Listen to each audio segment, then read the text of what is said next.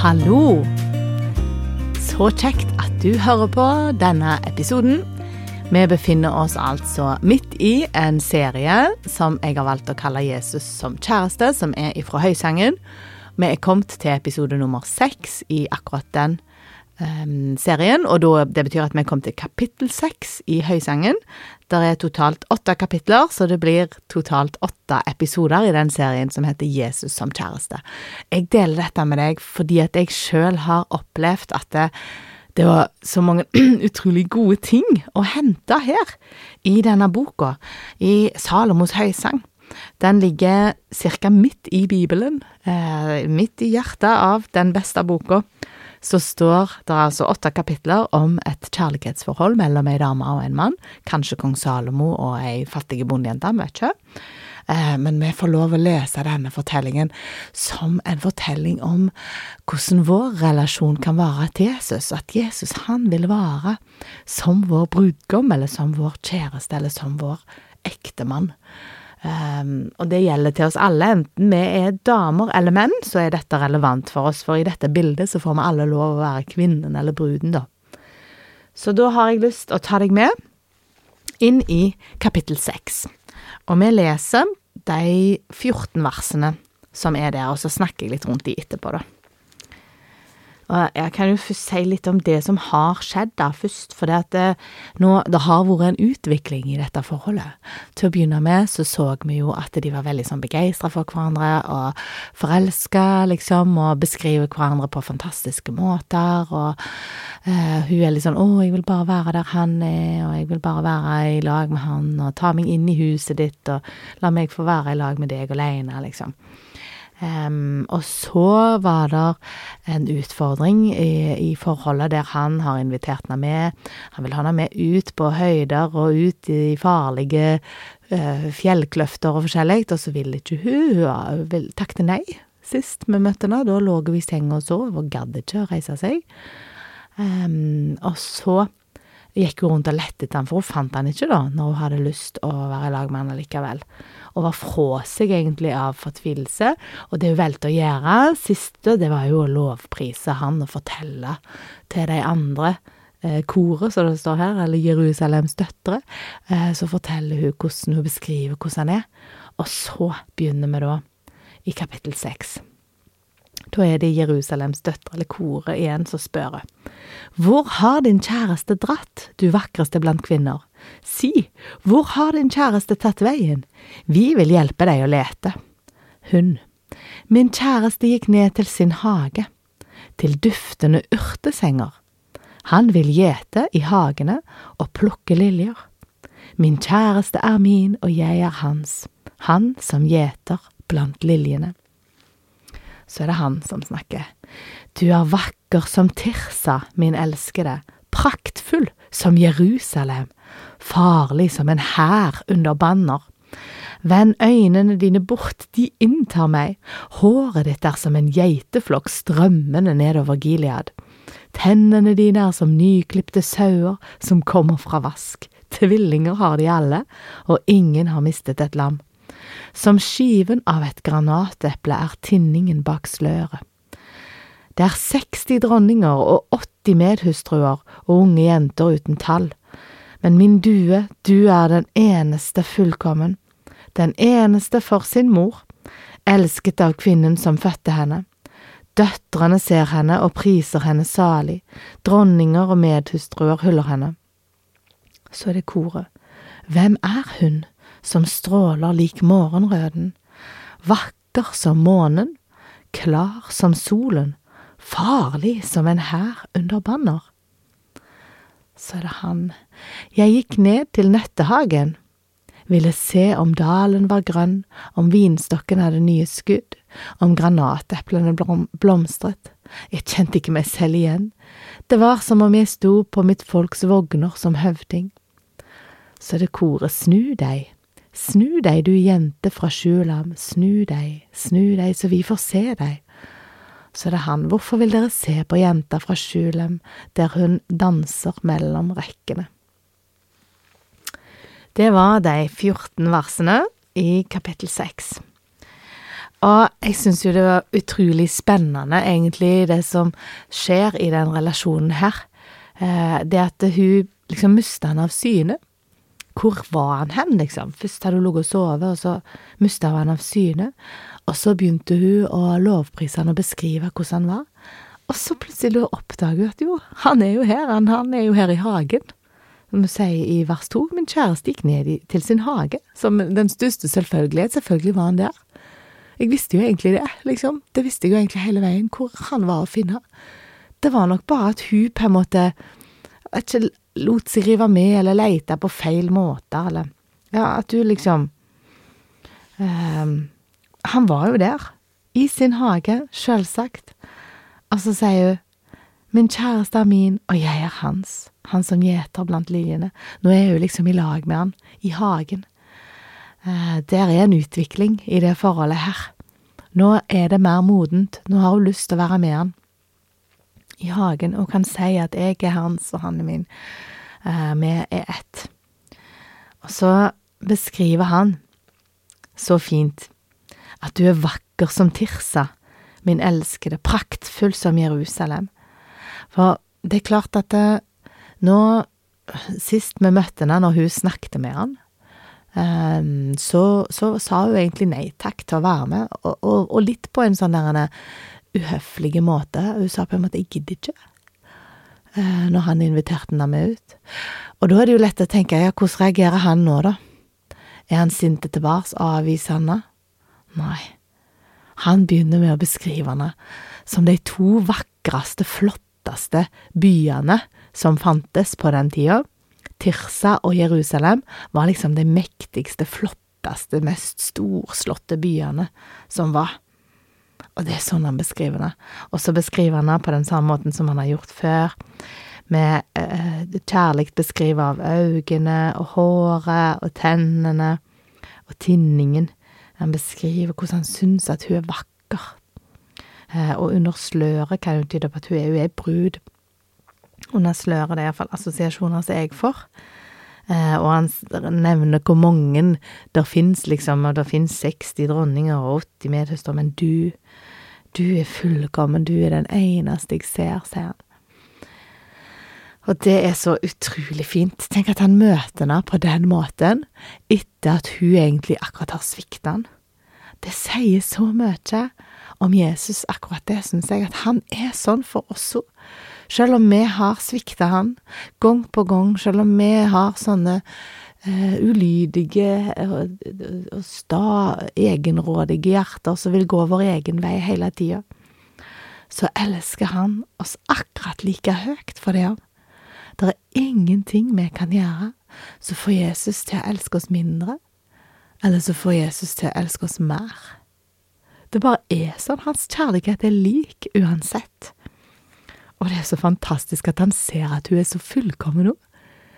At han ser, peker ikke på de feilene som hun har, sant, eller eh, de svakhetene som hun har. Han vet nok om dem, men han løfter fram alt det andre, så sier han dette er jo så vakkert med deg. Og jeg ser at du er fullkommen, for det er det han ser. Det er det han ser i deg og meg. Og det er jo helt fantastisk. Det er jo helt nydelig at det er sånn det er. Og dette med de byene, Tirsa og Jerusalem, eh, farlige som en hær under banner. Det sa hun Nancy de Moss, da, at det kan være et symbol på uh, um, at, at, liksom Jesus, han um, Han er på en måte den åndelige seierherren, sant? Han er den mektigste majesteten. Eh, han har en majestetisk hær som er farlig, på en måte, i disse byene, da, sånt. At, at han er seierherren, altså. Og at det er den eh, Når han beskriver henne, og så gir han henne del i det, liksom. Du òg er jo min, på en måte, og meg og du er eh, Vi er medeiere i den seierherren eh, som Jesus har. Vi får lov å være eh, Vi har inntatt liksom jeg vet ikke om dere forstår hva jeg mener, men Jerusalem og Tirsa, sant, at de, det var de mektigste byene. Eh, og, og, Jesus, han er den mektigste. Det er ikke alltid vi syns det ser sånn ut i våre verdens øyne, men i det usynlige så er han seierherre. I det åndelige så er han seierherre. Han er den som har vunnet seieren. Eh, og han er den som er sterkere enn alt det vonde. Og det kan vi få lov å tro, at sånn er det. Og, og når vi er ett med Han, så har vi jo del i den seieren, og kan få lov til det. Og jeg tror mange ganger så virker det så motsatt ut i livene våre. Jeg vet ikke hvordan det ser ut for deg der du eh, bor, skulle jeg si, og der du er kanskje på jobben din eller i familien din, eller settinger der du er, der du føler at du som kristen er veldig sånn i mindretall. Um, og, og iallfall ikke føles ut som om liksom Ja, her er det de kristne som har makta, på en måte. Men åndelig sett, og i det usynlige, hvis vi hadde kunnet dratt gardina litt til sides, på en måte, uh, og, og sett hva som foregår i den usynlige verden, så er altså Jesus seierherren, som har allerede vunnet. Han har vunnet over døden, han har vunnet over alle vonde makter. Og når vi har sagt ja til han, så er vi på det seirende laget. Eh, og vi kan få lov å si at vi er ett med han. Og det er fantastisk, syns jeg. Og jeg syns det som er så fantastisk her òg, som jeg sa, det er at Jesus sin kjærlighet, i måten han beskriver eh, henne på her, da, er uforanderlig, sant. Hennes kjærlighet, sånn som min kjærlighet, den svinger.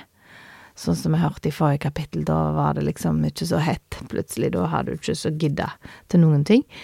Men nå eh, Hans kjærlighet er helt uforanderlig, og er akkurat like god for det om. Eh, og det er så godt å vite. Og han, i hans øyne så er vi faktisk plettfri. Når han ser oss, så ser han eh, fullkommenhet. At vi er like fullkomne som han, faktisk. Og det ser vi videre òg i de versene da, når, når eh, koret beskriver hvem er hun som stråler som morgenrøden, vakker som månen og klar som solen? Og her hun sier de farlig som en hær under banner. Og det er liksom, tenker jeg da, hun har vært i Jesus sitt nærvær nå. Og da blir hun prega av det, på samme måten som månen, månen får lyset sitt av å være i lag med sola. Uh, og, og, vi vet, det sto i Bibelen at Moses, når han hadde vært i lag med Gud, så strålte det av ansiktet hans. Og vet du hva, det skjer med det, meg og deg når vi er i lag med Jesus. Når vi ber til Han, når vi leser i Bibelen, når vi er stille for Han, uh, prøver å, å ja, være i lag med Han, da, da skjer det ting med oss òg, altså. Og da, da lyser det av oss, og da får Jesus lyse gjennom oss. På måter som kanskje ikke vi merker sjøl. Det er tydelig av denne dama. At nå stråler det av henne lik morgenrøden. Det er jo et nydelig eh, lys. Det er sånn varmt, tenker jeg. Varmt og godt lys.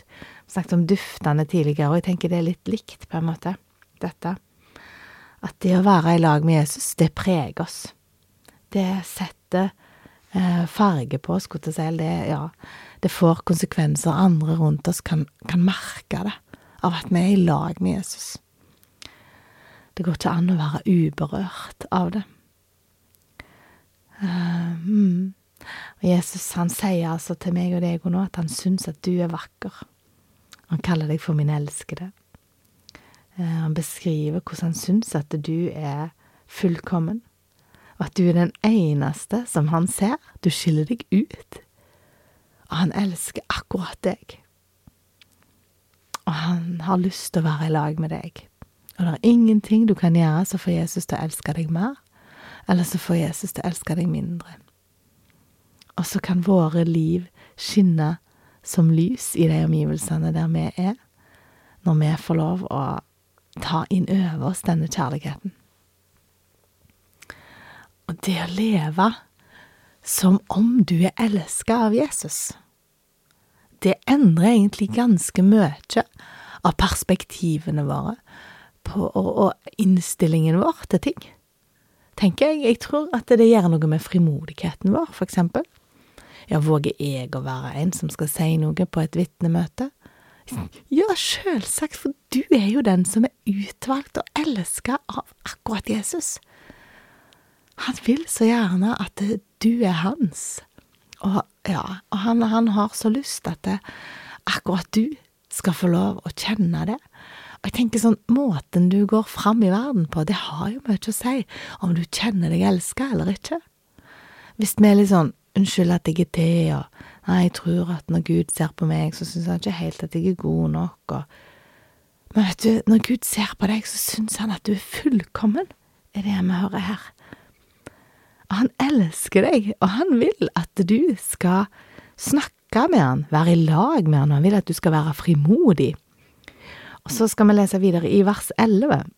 da sier han at han går ned i hagen og ser etter eh, om, om det er kommet noen nye skudd, eh, om det er noen nye ting som blomstrer nede i den hagen. Jeg tenker Dette er et sikkert tegn på at vi er opptatt av det samme som Jesus.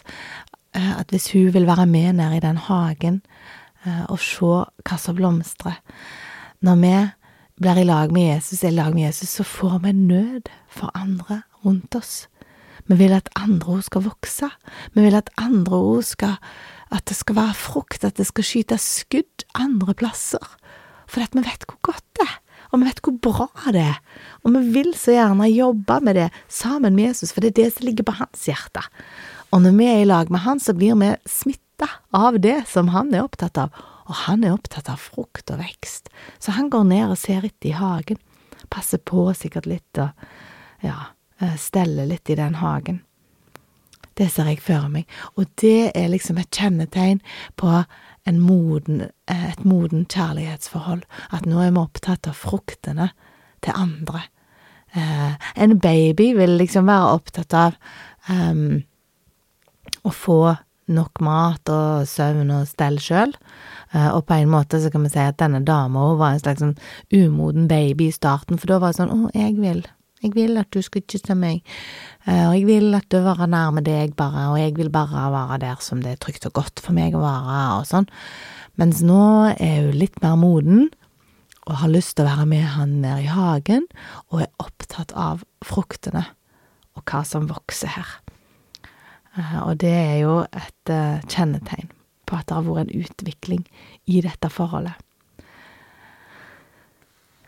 Og så kan vi jo tenke, ja, har vi nød i livene våre? Hvem ber du for, og hva ber du om? Hva bryr vi oss egentlig om? Og jeg tenker vi må være mer i lag med Jesus, sånn at det, mer av hans nød kan få smitte mer over på oss.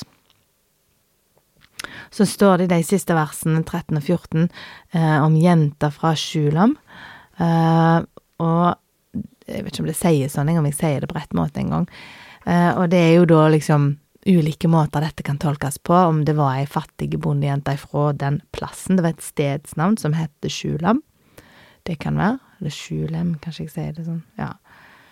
Um, Sjunem Ja, kanskje det var en plass som hun var ifra. Det kan være. Uh, det kan òg være at det var um, liksom den opprinnelige formen for navnet Salomo. Det var en annen måte å si Salomo på, at du hadde fått hans navn.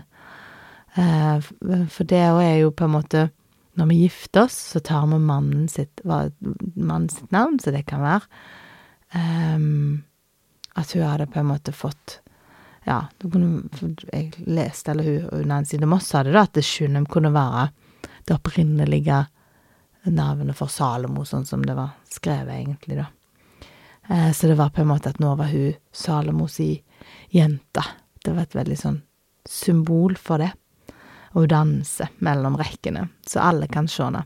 Det forteller meg om frimodighet.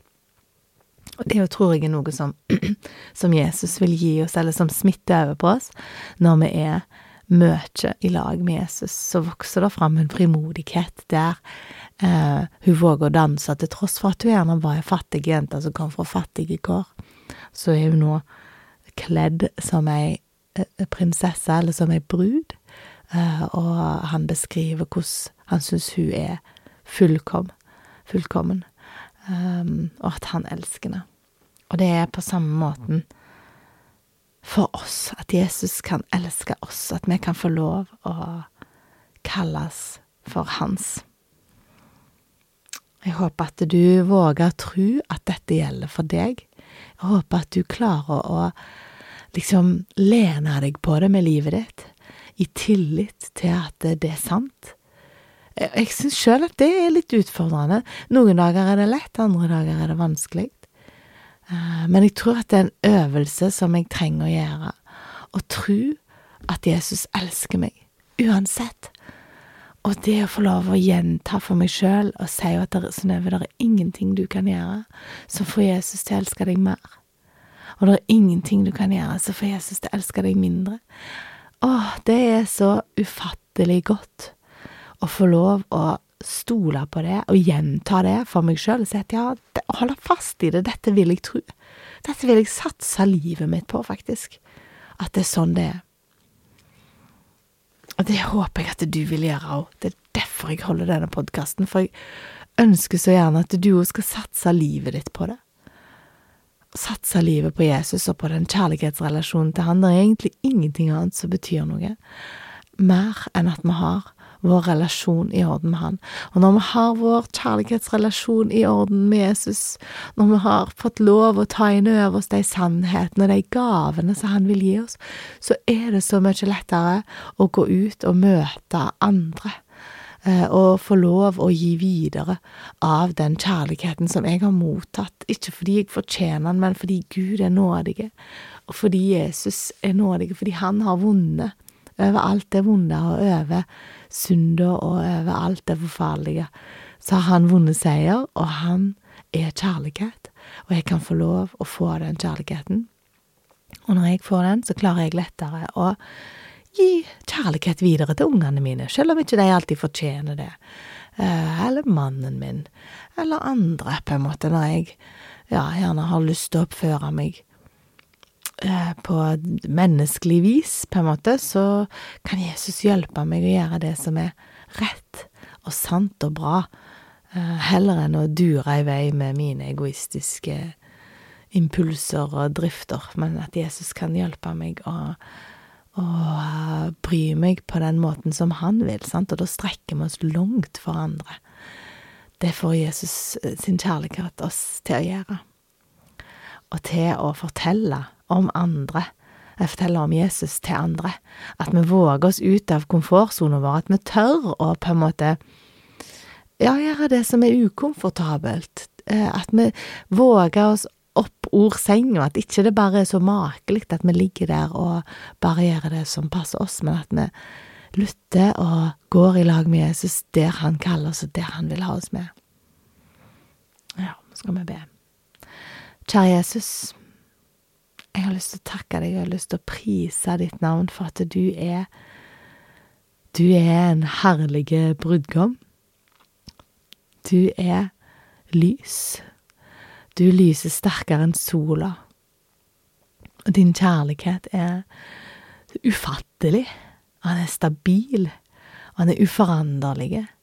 Og det syns jeg er så godt, og jeg har lyst til å bare prise deg for det, Jesus, og takke deg for det. Og Herre, jeg ber om at du må vise oss enda mer av den kjærligheten, sånn at vi kan forstå litt mer av dybden og høyden og lengden og bredden i det. At vi kan få enda mer grep om den kjærligheten. Ber om at du viser meg, Jesus, og de som hører på, mer av din kjærlighet. Ber om at vi forstår mer av det. Og så vet jeg at når jeg sier det, så kan det òg komme utfordringer. Det betyr ikke at det, at fordi om jeg får mer av din kjærlighet, at det ikke er motgang. Det kan være nettopp gjennom motgang og prøvelser at du vil vise meg mer av hva din kjærlighet er. Og Herre, da ber jeg om at du må hjelpe meg å være årvåken, sånn at jeg ser det. At jeg oppdager det, at ikke jeg går i grøfta av den grunn, men at jeg kan få lov å være årvåken og oppdage de prøvelsene som du vil at jeg skal holde ut gjennom. Ber om at du gir meg styrke til å holde ut i det, og at du leder meg på den veien som du vil, Herre. Ber for hver enkelt av de som hører på disse ordene nå. Og Herre, jeg takker deg for at du er ånd, og at du virker i ånd, og at du virker utenfor tida, og at eh, du kan møte hver enkelt akkurat der de er akkurat nå. Eh, og at du har full kontroll over livene våre. Takk for at du ser hver enkelt og vet hva vi trenger mer enn vi vet det sjøl, Herre. Og du ser at vi så ofte tror at vi vet best sjøl, men takk for at du er den som vet aller best for oss, Herre. Og bare ber om din velsignelse over livene våre nå. Takker deg og priser deg for din gode kjærlighet. Herren velsigne deg og bevare deg. Herren lar sitt ansikt lyse over deg og være deg nådig. Herren løfter sitt åsyn på deg og gir deg fred. Amen. Tusen takk for at du lytta på. Håper du eh, henger med. Så høres vi igjen. Ha det bra.